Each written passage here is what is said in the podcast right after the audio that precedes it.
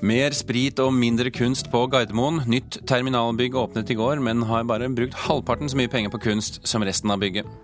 Liv Ullmann og Arve Tellefsen med flere. Kultureliten i Trondheim raser mot planer om ny messehall på Nidarø.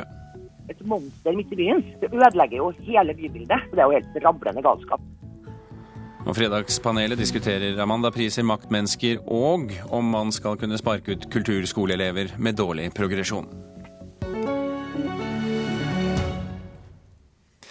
Da flyplassen på Gardermoen sto ferdig i 1998, var de mange kunstverkene noe av det som ga bygningen karakter. Når Oslo lufthavn i dag tar i bruk den nye terminalen, så er det med mer taxfree og mindre kunst. Andelen av byggekostnaden som blir brukt på kunst er halvparten av det myndighetene anbefaler. Skuffende, mener Kunst-Norge. Da er derved herved ankomst innland for åpner. Med ballonger og høytidelig snorklipping åpnet i går første delen av nybyggene som skal gjøre flyplassen klar til å kunne ta imot flere millioner nye reisende. Men det blir mindre kunst i de nye tilbyggene. I 1998 ble det brukt 0,7% av byggekostnadene på kunst og utsmykking.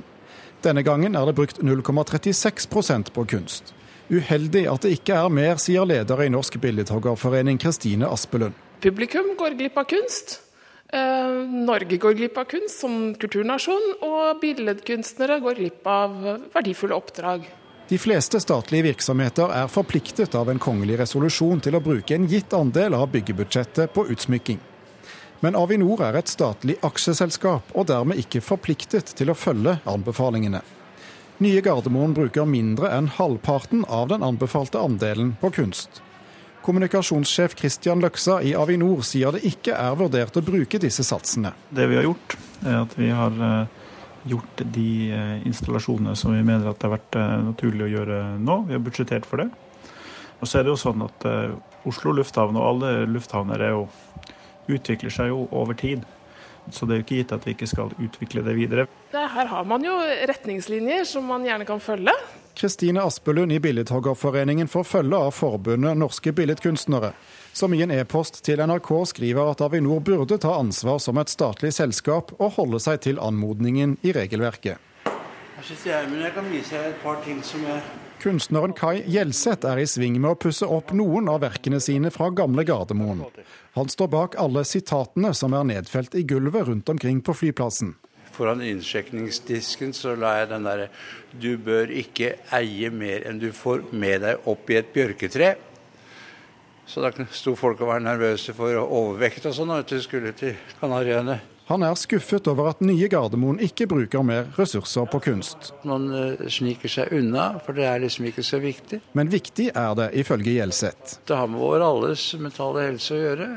Men Kristian Løksa i Avinor understreker at det er mange hensyn å ta på en flyplass. Å bygge en flyplass er jo eh, på noen måter litt mer komplisert i forhold til utsmykking enn, en, enn et vanlig kontorbygg. Fordi vi også er avhengig av passasjerflyt, informasjon og, og eh, en rekke kommersielle eh, flater som også endrer seg. Eh, så vi ønsker jo å fokusere nå på å bygge ferdig det trinnet som vi holder på med nå. Og så vil vi jobbe videre med, med kunst i årene framover. Den tidligere Gardermoen-kunstneren frykter det som kommer i stedet for kunsten. Så mange eh, dyktige kunstnere, så er det jo synd hvis det bare kommer nisser og troll og sånn. ikke sant? Det blir så fattig, og det blir så, det blir så banalt og så harry. Men Avinor sier de jobber mye med hvordan flyplassen fremstår for tilreisende. Det vil jo være naturlig at, at kunst også er en del av det. Eh, og så må vi jobbe litt videre med hvordan det, hvordan det vil bli i praksis. Altså, de fleste fra utlandet kommer jo med fly, så dette er inngangsporten til Norge. Og å markere Norge som en kulturnasjon på hovedflyplassen, det er jo en unik mulighet som, som man ikke benytter fullt ut av. Reportere her, det var Thomas Alvarstein Ove og Gjermund Jappé.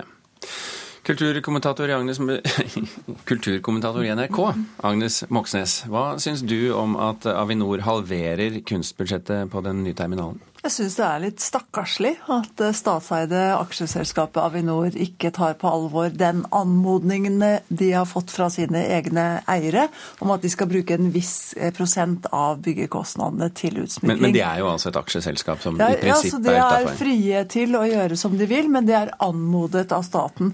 Og Det er altså det forventes at omtrent 30 millioner mennesker skal farte gjennom den nye terminalen eller Gardermoen i framtida.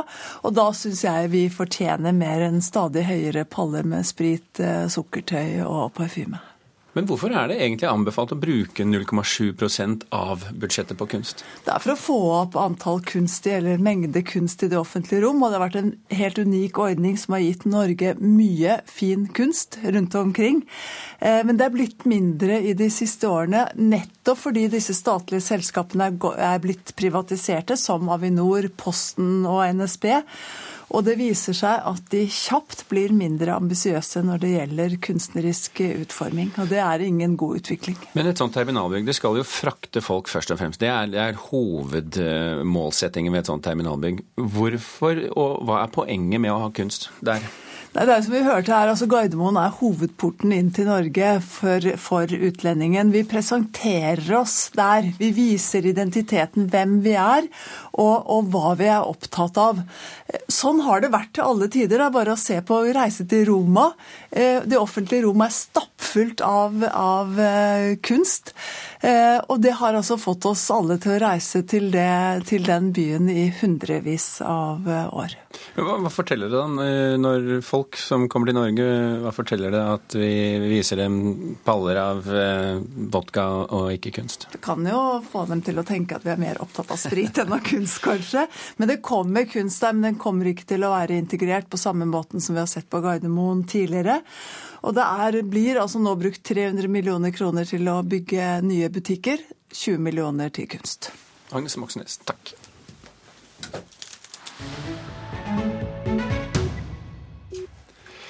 Opp mot 1000 svensker kommer de neste ukene til å få kravbrev på 2000 kroner fordi de har delt filmer og TV-serier ulovlig. Personene har blitt identifisert gjennom en spesiell programvare i en aksjon kalt Spredningskontrollen, det skriver SVT. Kravbrevet vil bli sendt både til dem som sprer og til dem som laster ned materialet. Nordmenn tror på Gud, Allah, altet og ingenting. Nordmenn liker Grieg, Hugo, Hellbillies og Kari Bremnes. Med andre ord, Norge er dere. Norge er oss. Ja, I går så ønsket kongen velkommen til hagefest i Dronningparken. Og det gjorde han ved å minne alle på at Norge ikke bare er fjell og dype fjorder. I mediene i dag blir talen hyllet, og på sosiale medier har ikke reaksjonene latt vente på seg. Over 1,6 millioner ganger ble denne talen spilt av, eller har blitt så langt, og flere enn 46 000 personer har eh, vist sin begeistring i form av denne tommelen som han sender opp. 250 kulturarbeidere i Trondheim, bl.a. Liv Ullmann, Arve Tellefsen og Anne B. Ragde, skrev denne uken under på et opprop mot å bygge ut en ny messehall på idylliske Nidarø midt i Trondheim. Det kronet en Facebook-aksjon som uh, har pågått i sommer mot denne utbyggingen. Og meningene i denne saken, de er sterke. Nå har jaggu folk merka hva som foregår, altså. Et monster midt i byen. Det ødelegger jo hele bybildet. Jeg skjønner ikke argumentene til dem som er for tilhengere. Men snakker om noen håndballkamper i 2020. Det er jo helt rablende galskap. Altså. Hun er ikke alene om å mene dette, Anne B. Ragde. Hun, Liv Ullmann, Arve Tellefsen og til sammen rundt 250 trønderske kulturarbeidere har signert oppropet mot utbygging på Nidarø, og de har fått flere tusen likes på Facebook. Jeg, jeg ble så skuffet da jeg leste det der, for jeg synes det er så fint på Nidarø som det er. Så nei, helt imot det. Det er jo egentlig et sånn parkområde som de har fått i gave, dette her, av, for en del tid siden. Og de bruker vel ikke den der som, som park nå. Hvis det virker som det er litt feil plassering av en så stor hall midt i et boligområde, så er jeg enig med dem som er kritiske til det. Var det ikke alternativet på Sluppen og sånn? Kanskje det er bedre? Heller ikke på Torvet i Trondheim får politikerne støtte, for det har vært bred politisk enighet om å bygge en ny stor messehall ved Elveslyngen på Nidarø. Og etter planen skal saken endelig vedtas i bystyret i november. De har det travelt, for Trondheim skal arrangere EM-kamper i håndball i 2020 og må ha ny hall klar. Men i sommer snudde Høyre og kommunalråd Ingrid Skjøtskift mener det ikke er for seint å stoppe planene. Det her er byutviklingsmessig galskap å sette i gang det her. Det skaper mange utfordringer knytta til trafikk, til beredskap, til byutvikling. Og i sum så er det forhold rundt de her planene som er så alvorlige at det her kan ikke gjennomføres. Vi kan ikke la fire-fem håndballkamper overkjøre hensynet til byen som helhet. Reporter i denne saken, det var Grete Tobro. Bjørn Alterhaug, kjent jazzmusiker og komponist. Du satte i gang dette kulturoppropet. Hvorfor gjorde du det? Nei, det har sin enkle begrunnelse i at eh, på fiskerimessa, en av de store messene her på Nidarø, så uttalte vår glimrende ordfører, eh, Rita Ottervik, at eh, det ble lovt en ny hall som var mye større om noen år, og at eh, lokaliseringsalternativet var bestemt. Og at hun hadde med seg da idrettslivet og kulturlivet og reiselivet.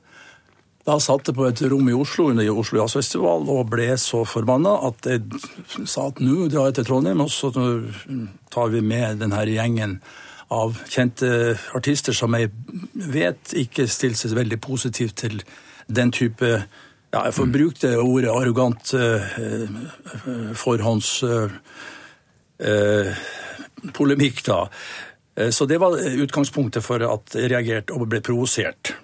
Marek Jasinski, kommunalråd for Arbeiderpartiet i Trondheim. Er denne saken godt nok utredet når dere får så mye protester?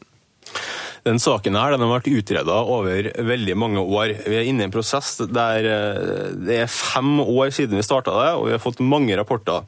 Eh, og De er ganske entydige. Det er utbygging på Nidarø som er det eneste realistiske alternativet. Og så er det verdt å huske på at eh, Trondheim Spektrum, som i dag ligger på Nidarø, og som har ligget på Nidarø siden midten av 60-tallet, det er det viktigste anlegget for breddeidretten i hele Trondheim. Det er over 7000 barn og unge som trener på Trondheim Spektrum hver eneste uke. Og vi vet at Trondheim er en by som er i sterk vekst, og vi har et stort behov for å ha flere halvflater hvis alle sammen skal ha like muligheter til å drive på med idrett når de er unge. Men er ikke mye av protestene her grunnet i at dere skal øke høyden på dette bygget opp til 28 meter? Det endrer jo saken, gjør det ikke det? Jo, det her handler også om høyden på bygget. Eh, først og fremst vil jeg si at eh, Når det gjelder utbygging på Nidarø, så rundt Trondheim Spektrum i dag så er det veldig mange parkeringsplasser. Det er over et halvt tusen parkeringsplasser. Dem mener vi at godt vi kan sette noen flere idrettshaller på og redusere antallet parkeringsplasser. Og Så er det debatten om høyden, og der forstår jeg at folk eh, engasjerer seg og ønsker å debattere det, men høyden henger også sammen med funksjonaliteten på bygget. Eh, store idrettshaller trenger både tribuner, og store konsertscener trenger eh, plass til scenerigger. Her er det slik, Alterhaug, at argumentene for å bygge dette synes kjent fra politikernes side å være på plass. Eh, likevel så protesterer dere. Det er jo helt misvisende å si at de er på plass.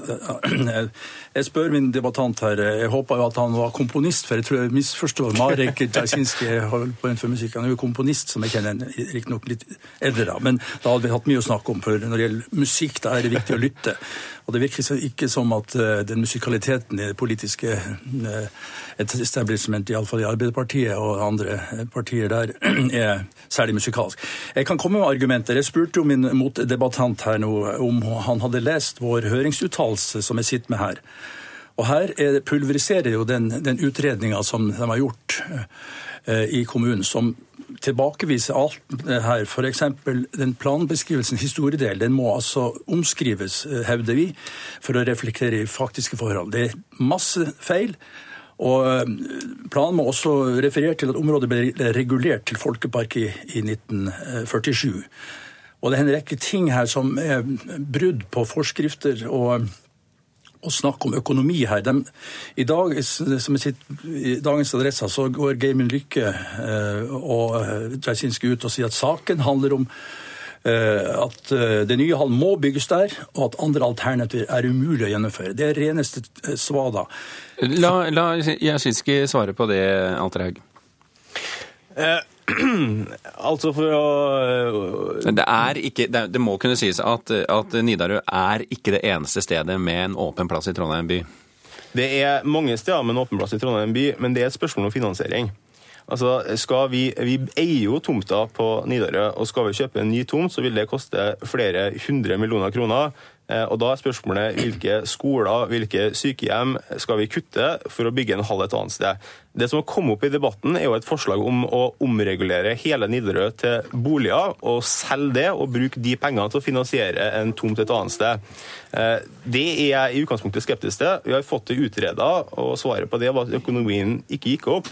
Men i tillegg så handler det om at skal vi bygge mellom 750 og 1100 boliger på øya, som det har vært debattert om, da risikerer vi å privatisere de flotte friluftsområdene og grøntområdene som er der i dag. Men jeg ser for meg at vi er eh, i, ikke engang i sluttfasen av denne diskusjonen.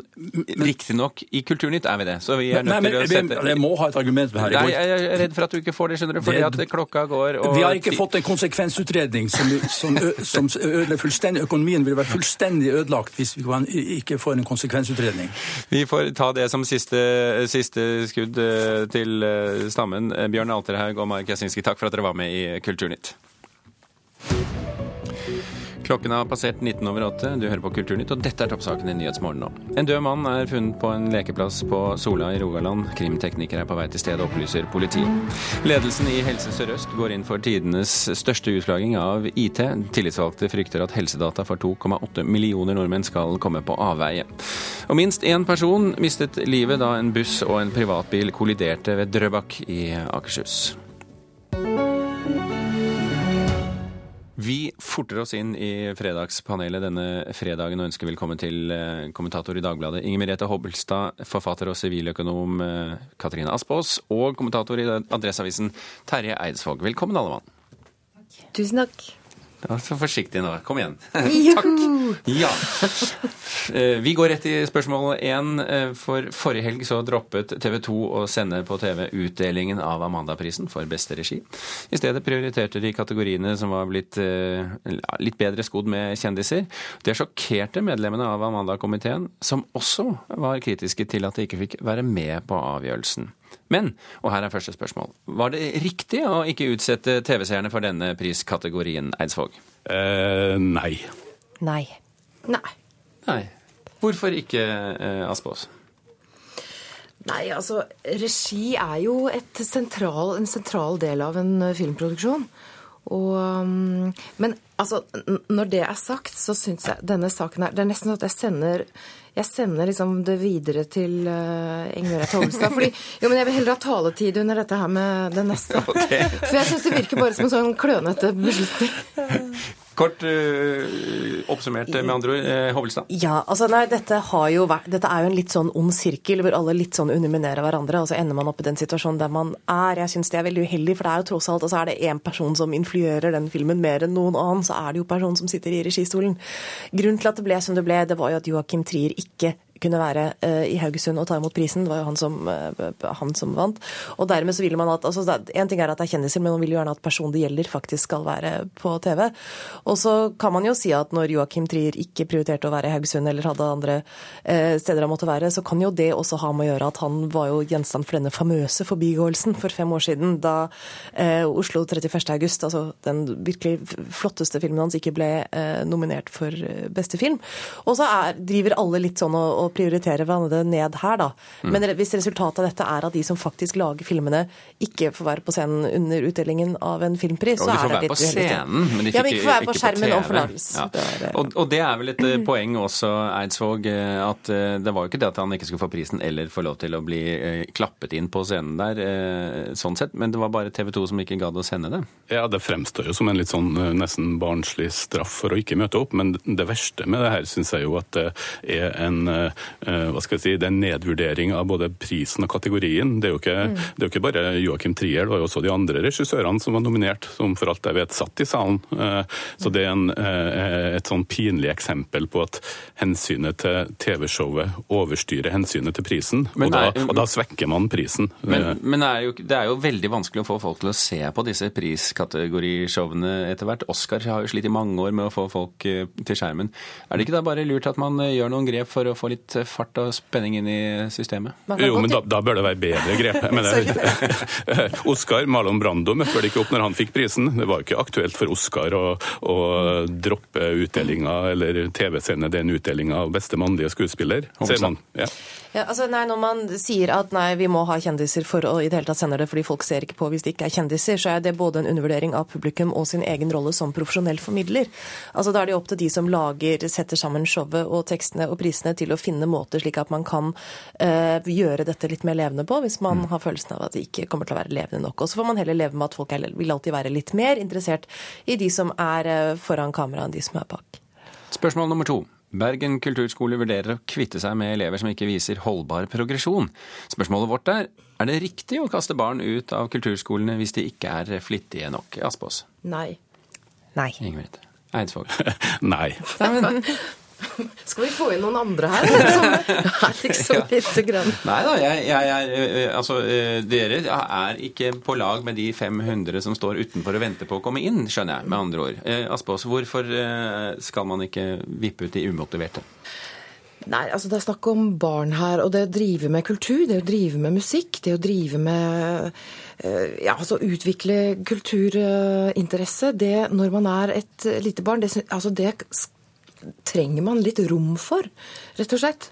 Så altså, skulle vi ha dytta ut Vi ville jo aldri fått Ketil Bjørnstad, f.eks. Hvis vi skulle dytte ut For han begynte jo å spille da han var eh, altså, mye eldre. Men, men, la oss nå bare si i, i Kulturskolens forsvar at det er ikke snakk om å bare rasere barna her. Altså, de, de, skal få prøve ja. seg i, i, god, ja. i godt monn. Ja, men det er et eller annet med å ha en aldersgrense, tenker jeg å la alle Fram til du er ti år, elleve år, tolv år, så leker du deg med musikken. Og så har du eliteprogrammene rundt omkring. Og så etterpå det, så må du Da er det riktig at de bestemmer seg for om de vil dette eller ikke vil dette, og at de motiverte kanskje mm. uh, får, får mer oppmerksomhet, og at de som egentlig ikke har lyst til å gå og spille, de finne på noe annet? Eidsvåg, vi skal altså ikke tenke på de 500 som står på utsiden og vil inn? Jo, absolutt. Og hvis man skal prøve å tolke det her eh, forslaget i beste vilje, da, så kan man si at eh, det selvfølgelig bør bli lettere for umotiverte barn å slippe å gå på kulturskole.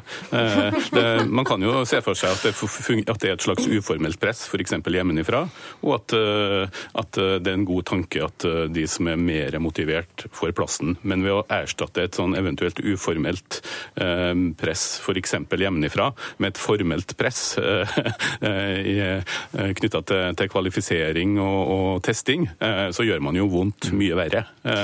Men, men, det går an, hvis man er velvillig, å se en, en god tanke bak der, men, men virkemidlet gjør en, gjør en, problematisk situasjon enda verre, sånn som jeg ser det. Dette er jo en interessant sak, på en måte, fordi hva er det som skjer når vi alle skal bli øvre middelklasse? Da blir det jo for få psykologer og for få pianolærere. Uh, og, og lagerarbeidere og snekkere og asfalt. Men uh, altså, jeg var jo et barn som skulle spille piano selv, og i likhet med nesten alle barn jeg kjenner som har spilt piano, så var det jo lange perioder hvor jeg syntes det å øve på piano var omtrent det verste uh, i hele verden. Altså, jeg tror jeg ble utsatt for omtrent utpressing fra foreldrene mine for å liksom bli tvunget til å fortsette å spille piano.